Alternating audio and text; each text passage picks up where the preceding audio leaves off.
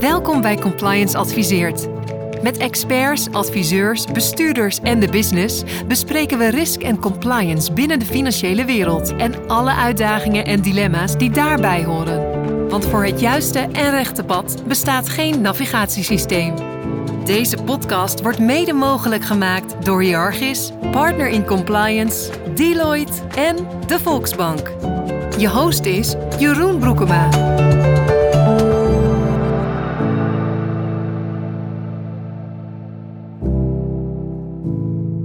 Welkom bij een nieuwe aflevering van Compliance Adviseert.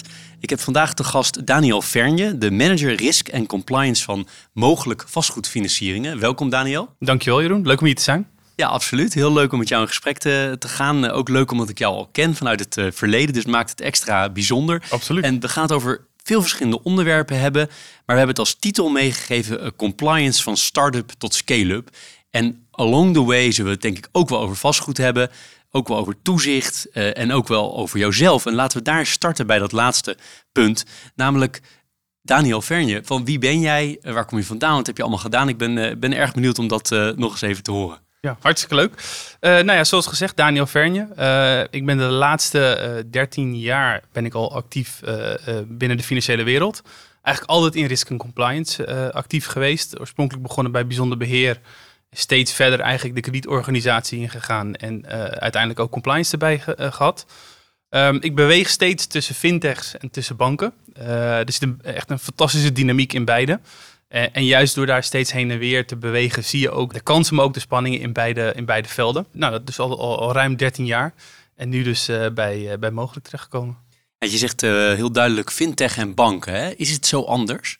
Ja, in mijn beleving wel. Uh, banken zijn toch organisaties die al heel lang meedraaien, die al, volwassen zijn in hun organisatiestructuren, uh, die al heel veel ervaring ook hebben. Vergeet dat niet, ze draaien natuurlijk lang mee, dus ook heel veel ervaring. En fintech zijn toch jong, heel ambitieus, vaak ook met hele goede intenties en bedoelingen. maar die moeten vaak toch ook heel veel nog leren. En, en juist dat stuk, dat is ontzettend leuk om mee te maken. En kan je wat namen noemen van uh, organisaties waarvoor je gewerkt hebt? Uh, Jazeker. Nou, ik ben begonnen bij ABN AMRO. Uh, fantastische leerschool geweest destijds. Daarna heb ik een lange tijd gewerkt voor Lindorf. Tegenwoordig Intrum. dat toch echt voornamelijk op het bijzonder beheerstuk. Um, vervolgens bij Funding Circle. Engelse platform. Peer-to-peer platform. voornamelijk werkkapitaalfinancieringen. daarna heb ik ge gewerkt bij Fiber. Dat is toch weer een, een merknaam van een bank. En ja, vanaf nu dus bij Mogelijk. Dat is weer een platform. Ja, mooi. En de gemene deler zou ik kunnen zeggen is dan risk compliance of hoe zie je het zelf? Ja, ja mijn interesse heeft altijd wel gelegen bij het riskgedeelte. Oorspronkelijk meer bij de getallen. Uh, en je ziet eigenlijk uh, in mijn carrière, maar ik denk ook wel in de hele sector, dat alles steeds meer verweven met elkaar raakt. Dus het kan niet sec alleen maar getallen zijn. Het kan niet sec alleen maar regelgeving zijn. Maar het gaat steeds meer in elkaar overlopen. En, en dus zie je dus dat je ook steeds breder gaat opereren. En waar komt jouw interesse vandaan voor het vak? Beetje met de paplepel ingegoten. Uh, mijn moeder werkt eh, inmiddels al ruim 47 jaar bij ABN AMRO. Staat op het punt 47? 47 jaar. Uh, heeft altijd met heel veel passie thuis gesproken over de financiële sector. ik heb initieel geprobeerd dat niet te volgen. een tijdje bij Defensie gewerkt. maar uiteindelijk toch beland in de financiële wereld. Ja, want we hadden in het voorgesprek even over... Defensie is nog wel iets wat belangrijk is in jouw leven, begreep ik. Nou, absoluut. Uh, een paar jaar geleden ben ik uh, uh, weer gestart. dan als reservist bij de Koninklijke Landmacht. En dat doe ik nu alweer 2,5 jaar. En daar ben ik redelijk actief mee. En ja, dat vind ik hartstikke leuk om te doen. Ja. Zit er nog een soort van link tussen defensie en compliance en risk? Of is dat te ver gezocht? Nee, dat is niet te ver gezocht. Um, ik denk dat de, de grote gemene delen tussen de twee is echt een stuk ethiek. bij defensie is dat iets evidenter. Ehm, maar je ziet in beide, beide gebieden, uh, zie je gewoon heel veel overlap uh, daartussen. En uh, je moet gewoon continu beroep doen op je eigen ethiek als je werkt. Ja, ja want wat versta je onder ethiek? Wat valt daar voor jou onder? Nou ja, ethiek betekent gewoon dat je, nou, als ik het even een linkje maar naar compliance ma mag maken, is dat je je natuurlijk evident aan de wet houdt. maar dat gaat meer dan dat. Het gaat om gedrag. Het gaat om, zie je dus dingen waar je het niet mee eens bent en kun je daar ook op acteren? En dat komt continu terug in beide vakgebieden. Ja. Je bent uh, manager risk en compliance. Wat valt daar allemaal onder? Welke onderdelen van de organisatie? Ja, uh, nou, daar valt onder meer uh, toch weer het oude, het oude gebied het kredietrisico. Maar er valt ook onder het operationeel risico de andere risicogebieden die wij natuurlijk kennen. en echt het compliance gedeelte. En dat is dan op beleidsmatig niveau, maar ook echt op, op de eerstvolgende aanvraag. Ja, want onder welke regulering, onder welk toezicht valt mogelijk? Ja, mogelijk die, die valt binnen het gebied van de AFM. lange tijd nog niet echt onder bepaalde wetgeving. Maar nu de Europese wetgeving eraan komt voor crowd, crowdfunding providers, is in ieder geval voor een deel van mogelijk die wel van toepassing. Ja. Dus wat dat betreft heb je, is dat ook iets waarbij jij nou ja, toe gaat naar die volwassenheidsfase, dat het ook volledig gereguleerd gaat worden? Ja, absoluut. absoluut. nou, ik heb het ook op, op mijn eigen LinkedIn gezegd. We hebben de aanvraag ingediend. Dat is natuurlijk een lang traject waar je naartoe werkt. waarvoor je dus echt zorgt dat je van tevoren klaar bent om, om zo'n vergunning aan te vragen. Want anders doe je dat niet. Eh, er zit heel veel werk in. Uh, maar nu we dat hebben ingediend, eh, denken wij ook echt dat wij daar helemaal klaar voor zijn. En ook echt voldoen aan die wetgeving die daarvoor gesteld is. Duidelijk. En van die 100 uh, medewerkers, hoeveel zijn nou, nou ja, werken in jouw domein? Ben jij de enige of zijn er tien? Of waar moet ik aan denken? Gelukkig ben ik niet de enige. Ehm, het, het, overlapt een beetje, maar ik heb sowieso een eigen team van vier mensen in compliance zitten. En dan zitten in de verschillende business lines die wij hebben, zitten ook nog allemaal mensen die zich bezighouden met het risicobeheer uh, van die leningen. Duidelijk. En zo'n zo'n aanvraag ben ik nog even nieuwsgierig naar. Je zei, ik heb het ook gedeeld, dus dan durf ik ook naar te vragen. Maar is dat iets wat je dan helemaal met je eigen team doet? Of hou je daar allemaal externe partijen bij? Nou, ik denk dat dat precies de uitdaging is, is, is binnen uh, Startup Scale-up uh, land je hebt gewoon niet de resources uh, alleen om dat helemaal alleen te gaan doen. Dus je hebt uh, je eigen team, de hele organisatie werkt er eigenlijk aan mee. 100 man is bezig met die vergunning. Dus het is ook een heel erg coördinerende rol. Uh, maar daarbij heb je ook gewoon externe, externe hulp. Dat zal absoluut noodzakelijk zijn. Want dat red je gewoon niet in je eentje. Nee, en dat is, dat is wel een mooie brug hè, naar, dat, naar die titel die we hebben meegegeven in deze aflevering. Hè, van, van start-up naar, naar scale-up. Wat, wat zie jij vanuit de compliance riskhoek nog meer als typerende dingen voor start-up? Want je hebt het allemaal gezien. Je hebt de, de matured uh, bank gezien uh, en de matured, uh, Lindorf is ook echt een, natuurlijk een hele professionele grote organisatie. tot aan Funding Circle helemaal in de early days, waar wij elkaar van kennen. nou ja, nu iets daartussenin. Dus je kan ook echt nou ja, met je eigen N is één elke keer, maar toch bij al die verschillende clubs wel een, wel gevoel bij krijgen. Wat zijn verder dingen waar jij aan denkt die, die specifiek zijn voor die verschillende fases? Dat is een goede vraag. Um, nou, laten we met de start-up beginnen. Uh, de meeste start-ups zijn toch uh, two guys in een laptop. Goed idee, we gaan iets doen. nou, evident is dat je helemaal niet de middelen hebt om, om, om, aan alles te kunnen voldoen. Ik durf ook wel te zeggen, als je begint, dan is het onmogelijk om aan alle delen van de wet te voldoen. dat betekent dat het heel veel terugkomt op weer dat stuk ethiek, op een stuk ervaring. en echt op goede wil dat je de zaken goed wil regelen vanaf het begin. Je hebt niet de software om je te helpen. Je, de meeste mensen werken dan nog met Excel of met Word, PDF, PowerPoint. Um, en vanuit daaruit ga je dus dat langzaam opbouwen. En terwijl je aan het opbouwen bent, uh, moet je dus nooit het stukje compliance uit het oog verliezen. En ergens gaat dat punt komen dat je ook echt compliance officers gaat aannemen, dat je uh, risicobeheersing apart gaat zetten. en dat is best een moeilijk punt. Dat is niet altijd evident wanneer of waar je dat gaat toepassen. Ik denk dat de meeste uh, start-ups dit zullen herkennen. En dat we allemaal op zoek zijn in zo'n fase van wanneer komt dat moment. En ja, er moet ook nog gewoon geld verdiend worden. En een compliance officer is meestal niet degene die de euro's aan de voorkant naar binnen brengt. Dus, dus dat is een heel lastig punt.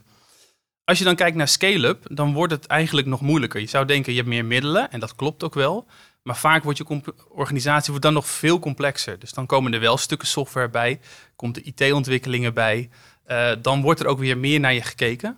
Uh, wordt er meer van je verwacht. Ik als start-up heb je wat minder aandacht van de toezichthouder. Maar als scale-up heb je die juist weer wel. Ik, ik, Hans Beusekom heeft dat volgens mij uh, perfect genoemd.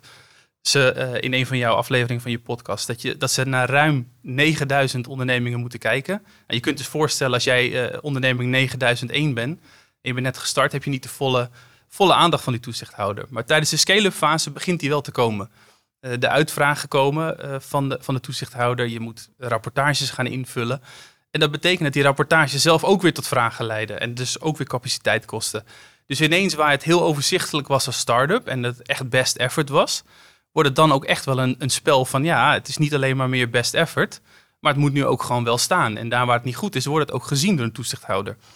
En ik denk juist die dynamiek, uh, dat maakt een scale-up fantastisch voor mensen in ons vakgebied omdat je, ja, je bent continu daarmee bezig. En het is ook gewoon ja, hard werken, maar ook wel heel veel plezier daaraan hebben. Ja, en de andere kant van de zaak, als je dan even doortrekt naar meer matured organisaties of meer voorbij de scale-up fase, daar is misschien de compliance kant heel belangrijk. Er wordt ook veel resources aan besteed.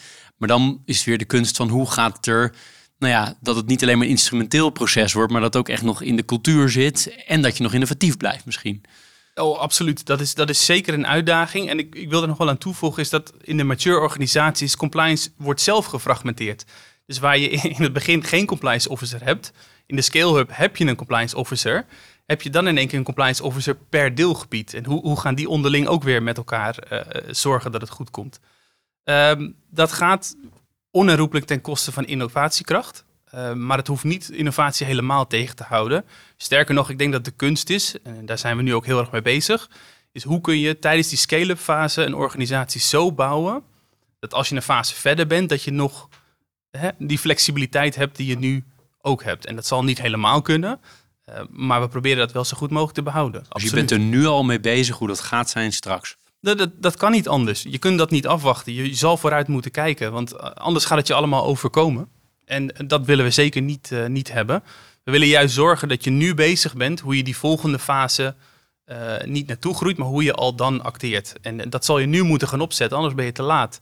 En dan krijg je dus dat je heel veel ja, projecten moet gaan opzetten om dat weer te gaan corrigeren. En dat gaat on, ja, onherroepelijk ten koste van je klanten.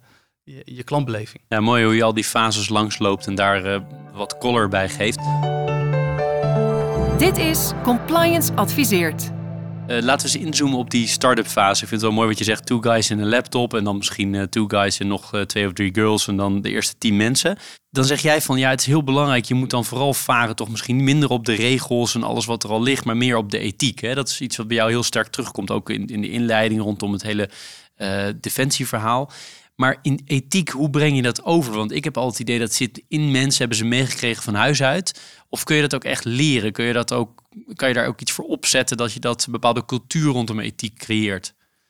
Ja, dus ik denk dat het tweeledig is. Leren is gewoon noodzakelijk. En daar waar je de kennis mist, is het absoluut noodzakelijk dat je die gaat halen. De ervaring speelt daarin ook gewoon een rol. Uh, anderzijds is het, er wordt ook veel over gesproken, is het echt gedrag. Dus de mensen die hier ervaring in hebben, die zullen ook dat gedrag uh, continu moeten laten zien. Dat kweekt weer vertrouwen bij de rest van de organisatie die daarbij bezig is. En dat betekent ook dat je als compliance uh, officer niet alleen uh, bezig moet zijn met dingen, nou even heel zwart-wit gezegd, af te wijzen. Maar dat je echt een adviserende rol krijgt binnen de organisatie. En dat je het dus om gaat draaien. Dat eigenlijk mensen jouw support gaan zoeken. Hoe ze op de juiste wijze uh, hun klantreis kunnen optimaliseren. En de eerstvolgende klant ook weer kunnen helpen. Want dat is natuurlijk het doel van, van dit alles. Je wilt klanten kunnen blijven helpen. Terwijl je toch eigenlijk voldoet aan alle wet en regelgeving daarbij. En dat, dat blijft een spanningsveld. Maar ik zie juist een mooie uitdaging voor ons vakgebied om te zorgen dat je daarin ja, de, de hele business helpt eigenlijk. In plaats van alleen maar zorg dat je die interne politieagent bent. Want de afgelopen tijd heb ik heel veel mensen in het veld van cybersecurity uh, geïnterviewd. En daar komt steeds weer hetzelfde punt terug. Namelijk zorg nou dat die compliance officer al betrokken is bij de bouw van producten. Want dan zit het er alvast in. Herken je dat? Enorm, enorm. En dat is niet omdat we nou per se overal bij betrokken willen zijn. Um, maar ons, ons vakgebied wordt ook steeds breder. Er komt steeds meer naar ons toe. En uh, we zien natuurlijk vaak dingen al wat vroeger aankomen, omdat we daar gewoon goed op letten. Uh, dat, is, dat is noodzakelijk binnen ons vakgebied. En wat je dan ziet is dat anders vaak met de beste bedoelingen iets wordt gebouwd. Wat fantastisch is uh, als klantbeleving, maar toch niet helemaal voldoet aan de wet. En zeker als je organisatie dus groter wordt, ja, dan, dan zit je vast. Want dan heb je een product wat fantastisch is, maar wat je dus niet kan lanceren. Uh, even het haakje dan naar die cybersecurity.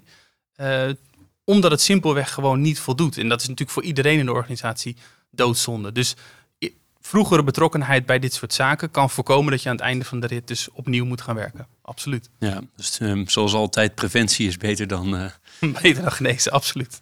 Helder. Ik las uh, om even een, een kleine U-turn te maken, maar ik, uh, of niet een U-turn, maar een scherpe afslag. Ik las dat jullie een leningportefeuille naar de kapitaalmarkt hebben gebracht. Jullie zijn natuurlijk een platform waarbij bij lenen mogelijk wordt gemaakt. hoe, hoe werkt dat precies en wat, wat speelt daar? Dat vind ik wel heel interessant. Ja, nou, even belangrijk. Onze organisatie is eigenlijk opgedeeld in drie, drie takken.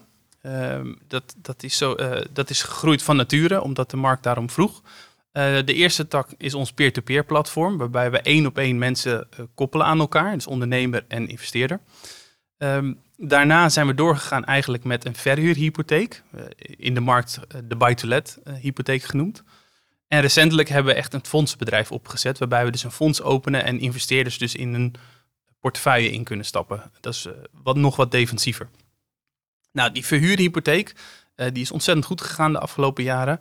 Um, en die is inmiddels van een omvang gekomen dat we die dus naar de kapitaalmarkt kunnen brengen. Dat hebben we ook recentelijk gedaan en dat proces, daar zijn we nog mee bezig. Maar hij is aangekondigd. En uh, ja, dat is een ontzettend leuk proces om dan ook ja, want hoe werkt dat? Want het is, niet, het is niet jullie geld op de balans of is het wel jullie geld op de balans? Nee, het is altijd een dan, uh, in dit geval, het kan met spaarders, maar in dit geval is het echt, zoals we het noemen, gefund door een institutionele belegger. Eh, dat zijn vaak grotere eh, of banken of uh, fondsbedrijven die daarin beleggen of pensioenfondsen. die hebben dat voorgefinancierd. En op enig moment bereikt het een bepaalde omvang en dan breng je dat naar de kapitaalmarkt, naar partijen die geïnteresseerd zijn in zo'n grote portefeuille. En het is gelukt. we zijn ermee bezig. Het proces dat loopt op dit moment. Het gaat hartstikke goed. We hebben afgelopen weken druk gesproken met allerlei partijen in de markt. En ja, het is nu even afwachten, hij is aangekondigd. En als het goed is, gaat dit voor het einde van de maand af worden gerond. Ja komt natuurlijk ontzettend veel bij kijken, kan ik me voorstellen. Ik heb er ook enige ervaring mee in het verleden. Maar uh, allerlei vormen van risico's natuurlijk die in kaart gebracht moeten worden. Met name omdat je het wil verkopen tussen, uh, tussen aanhalingstekens aan een, uh, aan een partij. Of laten we het anders zeggen. In ieder geval, alles moet inzichtelijk zijn voor de kopende partij. Kan je eens op hoofdlijnen langslopen waar allemaal naar gekeken wordt op, op risicogebied? Ja, uh, dat, dat, ik kan wat, wat deelgebieden noemen, maar het is ook wel belangrijk om te beseffen dat het ook nog eens veranderd is over tijd. We hebben in het verleden natuurlijk vaker dit meegemaakt. Uh, maar er wordt uiteraard gekeken naar de kwaliteit van de leningen die eronder zitten. Dus hè, de, gewoon de financiële ratio's. Uh, klopt het? Uh, hoe wordt er naar gekeken? Jouw proces wordt zelf nog een keer onder de loep genomen. Ehm, er wordt tegenwoordig ook goed gekeken naar, naar de duurzaamheidsaspecten, ESG. Daar wordt heel erg naar gekeken, meer dan ik zelf had nog verwacht in de markt. Dus dat is echt wel interessant om te zien hoe snel dat is gegaan. Ja, en het compliance gedeelte zelf, dat heeft echt heel veel aandacht gekregen de laatste tijd.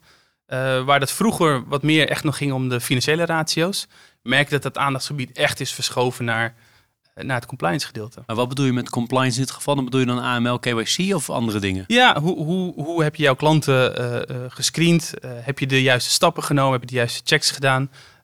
echt het onboorden van je klanten hoe, hoe ben je ertoe gekomen en heb je echt die aandacht eraan besteed die je zou moeten besteden eraan? Dus omdat daar zoveel aandacht voor gekomen is, is het bijna onpar gekomen met kredietrisico's. Als ik jou zo beluister, was dat wat extreem? Uh, het is wat extreem, denk ik, want er wordt nog wel degelijk naar de portefeuilles gekeken. Maar ik kan wel een goed voorbeeld geven over hoe, dit, uh, hoe belangrijk het is geworden. Uh, wij spraken met een, een pensioenfonds in Nederland over deze portefeuille. En we zaten nog te wachten op een van onze collega's. We hadden nog geen namen genoemd, nog, nog geen voorstelrondje gehad. Uh, maar een van de medewerkers van pensioenfonds die vroeg al meteen: Goh, uh, de onboarding voor klanten, hoe, hoe zit dat eigenlijk bij jullie? En dat betekent dus dat nog voor het voorstelrondje lag deze vraag al op tafel. En je ziet dus hoe, hoeveel gewicht er nu wordt gegeven aan, dit stuk. Ja, mooi, uh, mooi voorbeeld. Heel praktisch voorbeeld van wat je natuurlijk constant in de markt voelt op dit moment. Hoe belangrijk dit onderwerp is. Ook niet raar hè, als zelfs tot op bestuurdersniveau mensen vervolgd worden op, uh, op dit gebied. Oh, absoluut. Ja. ja. Nee, boeiend. Heel interessant. En ook interessant, daar zie je ook weer dat start-up tot, uh, tot scale-up tot maturity. Dat je in het begin natuurlijk helemaal geen portefeuille hebt die je naar de markt kan brengen. Op een bepaald moment kan dat. En je nu dus zelfs een eigen fonds hebt waarin, dit, uh, waarin, dit, nou ja, waarin deze leningenportefeuille terugkomt. Oh, absoluut. Ja, dat, dat is ook de hele, het hele spel natuurlijk. Uh, we hebben een mix van verschillende fundinglijnen. Eén is dat echt gewoon individuele personen die investeren. En de anderzijds de kapitaalmarkt. Uh, wij denken juist door dat te spreiden en dat ook gespreid te houden, dat je wat minder afhankelijk bent van de een of de ander. En dat dus eigenlijk gewoon iedereen te goede komt. En, en je ziet dat gewoon inderdaad dan terugkomen. Ja, ja. ja. Zijn er nog um, andere dingen waarvan je zegt rondom zo'n um, rondom zo'n proces van zo'n fonds of zo naar, naar de markt brengen van zo'n leningenportefeuille, wat jou heel erg uh, opvalt erin? En uh, of, je, of misschien wel tips voor mensen die dit soort dingen gaan doen? Ja, wat mij opvalt is dat, uh, laat ik het anders zeggen, er zit een enorme dynamiek tussen uiteindelijk in de kamer zitten met de personen die zo'n portefeuille gaan kopen of daarin willen investeren en waar je begint. En als jij als doel hebt om die kant op te gaan, naar naar die, naar die kapitaalmarkt te gaan, wees je er dan van bewust dat elke lening die je doet uiteindelijk daar terechtkomt. En dat betekent dus dat je. Het, het lijkt een gapend gat tussen de grote internationale kapitaalmarkt en de MKB-onderneming. Maar die vertaalslag wordt juist gemaakt door platformen.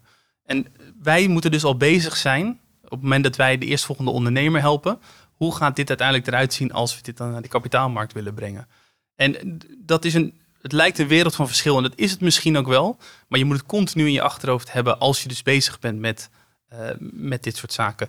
En andersom is ook, is ook waar. Uh, je weet dus, als je de volgende lening verstrekt, dat daar dus gewoon eisen liggen of, of verwachtingen liggen van de kapitaalmarkt, als je die leningen naar de kapitaalmarkt wil brengen. En dat zie je dus echt terugkomen. Ja, dat is, dat is interessant. Dat is een mooi bruggetje naar. Als ik kapitaalmarkten hoor, dan denk ik altijd meteen aan, aan transparantie en ook de dwingende kracht van kapitaalmarkten. We hebben zelf samen de, IPO meegemaakt van, van Funding Circle. Enorm veel wat er naar boven moet komen, maar drukt ook de organisatie een bepaalde hoek in. En ervaar je dat ook zo dat, er, dat het de organisatie verder professionaliseert? Zeker. Um, want je naam staat ook in één keer op de internationale kapitaalmarkt. Waar je tot dan toe een redelijk onbekende partij bent, staat je naam echt gewoon op dit product in de internationale kapitaalmarkt. En dat betekent dat je ook weer anders wordt beschouwd door de, ja, door de buitenwereld. Nou, een van de dingen die ik heel praktisch ervaar, is dat de wet en regelgeving die vanuit Europa uh, gemaakt wordt, die wordt natuurlijk overgenomen door dit soort partijen. En die leggen dat vervolgens weer neer in de kamers op het moment dat jij met hen in gesprek bent. En dat betekent dus dat waar je soms verwacht dat de toezichthouder degene is die het hardst drukt of die het meeste uh, toezicht houdt erop, dat eigenlijk het de internationale partijen zijn die daar misschien nog wel een zwaardere stempel op drukken. Met alle respect overigens voor de toezichthouder, maar de vertaalslag wordt gewoon heel snel gemaakt vanuit regelgeving naar die partijen en die leggen dat vervolgens weer bij jou neer. Ja. Ja, nee, dat kan me voorstellen. Dat is mooi, mooi uitgelegd hoe dat inderdaad door uh, cascadeert. En het klinkt bijna zo, maar moet je maar tegenspreken als dat, uh, als dat niet klopt. Maar dat die kapitaalmarkt uh, een soort additionele toezichthouder is bovenop de, de bestaande toezichthouder. Zo kun je het soms wel ervaren, absoluut. absoluut. Kijk, uiteindelijk zullen zij ook moeten verantwoorden aan diezelfde toezichthouder. En zij hebben misschien weer meer, ja, zij voelen weer meer druk van de toezichthouder, omdat de toezichthouder weer meer op hun focust. maar je ziet dus dat die vertaalslag wel gemaakt wordt op die manier. Ehm, ik kan een heel ander voorbeeld geven. Misschien een, zijstapje, maar ik zit een heel goed boek te lezen momenteel. en dat gaat over economie. En een van de grappige dingen die ik daarin zag, is dat McDonald's heeft een van de grootste hygiënestandaarden in, in het vleesproductie die ze doen. Dat is grappig, want die hygiënestandaard ligt gewoon hoger dan een gemiddeld restaurant. Hoe komt dat nou? Dat komt omdat McDonald's zelf intern dat afdwingt van zijn bedrijf. En je kon gewoon onverwachte bezoeken uh, verwachten van de McDonald's organisatie, ook als vleesproducent. En je ziet dus dat eigenlijk zonder dat er daar een toezichthouder bij hoeft te komen, is dat zo'n bedrijf dus zelf eigenlijk een, vorm van regulatie gaat afdwingen. Nou, dat doet de interna internationale kapitaalmarkt ook met ons. Ja, nou, dat is een mooie, mooie analogie inderdaad, kan me, kan me voorstellen. Je luistert naar Compliance Adviseert.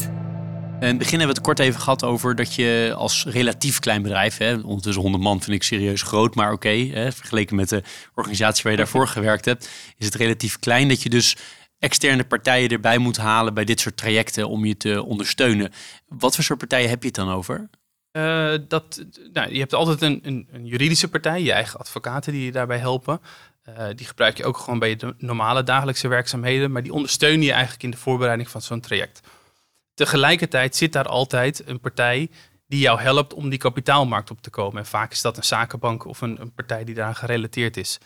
Ook die zorgen al voor dat jij in de voorbereiding daar naartoe uh, behoorlijk nog eens een keer professionaliseert. Want zij willen natuurlijk ook niet iemand naar de markt brengen van wie zij geen vertrouwen hebben dat dat goed aan gaat slaan. Dus, dus dat zijn eigenlijk de zwaarste partijen die jou daarbij helpen. En dan vervolgens in het voorbereidingsstuk zijn daar een velelei aan consultants of, of partijen die daar nog op specifieke deelgebieden jou nog kunnen ondersteunen, uh, die daar nog eens een keer bij komen. Ja, dus best wel, uh, is ook financieel gezien best een hoge kostendruk brengt dat met zich mee, kan me voorstellen. Maar als je het helemaal hebt ingeregeld, dan staat het voor de toekomst. Ja, absoluut. Uh, dat is een voorbereiding. En de meeste partijen bij, bij wie ik gezien heb die dit doen, is vaak de eerste keer de aanloop daarnaar. Dat is echt het allerzwaarste. Dat is het traject. Net als dat je een, een vergunning indient uh, voor, voor een, uh, een, een ECSP bewijs, eh, is dit eigenlijk hetzelfde. Die eerste keer de aanloop er naartoe is altijd het zwaarst. En als je dat één keer gedaan hebt, dan kun je dat gaan herhalen, dat traject, en kun je verder gaan bijschaven. Het heet uh, mogelijk vastgoedfinanciering en er zit het woord vastgoed in. Het gaat bij jullie over, uiteindelijk over stenen die gefinancierd uh, moeten worden, om maar even een beetje slang, als slang te zeggen. Dat wordt veel, door veel mensen als, als toch ook wel weer ehm, een, een hoog risicosector. door veel mensen wordt het juist ook als een hele zekere sector gezien, dus je kunt een beetje over discussiëren. Maar zijn er nou specifieke dingen die met stenen te maken hebben vanuit een compliance perspectief, die echt voor jullie meer gelden dan voor andere clubs? Nou, ik denk dat het heel belangrijk is, dat de Nederlandse bank de sector ook heeft aangewezen hè, als wat hoger risico. Uh, met alles wat daarbij komt kijken. Uh, wat dat betekent is dat wij uh, waarschijnlijk nog veel meer moeten doorspecialiseren in het product wat we doen. Dus dat betekent dat we eigenlijk niet alleen naar kreditrisico's kijken, maar eigenlijk ook veel meer nog naar het product zelf. En dat betekent dat wij als compliance officer ook verstand moeten gaan hebben van de producten die daarin aan worden geboden. Um, en dat, is, dat vraagt gewoon wat extra's van een compliance officer. Dus niet in één keer ben je alleen maar bezig met een onboarding of met een klant. Maar je moet ook echt een, een expert worden op de producten die je aanbiedt. We zijn, kijk, jij bent dat nu, die, die expert, want je hebt ook die achtergrond in de, in de, aan de productkant, aan de bijzonder beheerkant. Maar hoeveel mensen hebben dat? Want dan moet je toch best wel veel ervaring hebben. Dan kan je eigenlijk deze rol alleen maar doen als je al 10 plus jaar werkervaring hebt, of niet? Uh, werkervaring helpt je zeker bij. Uh, maar dat komt ook weer terug op wat ik eerder zei. Uh, je doet dit toch niet alleen. Je doet dit ook um, met externe partijen die daarbij begeleiden.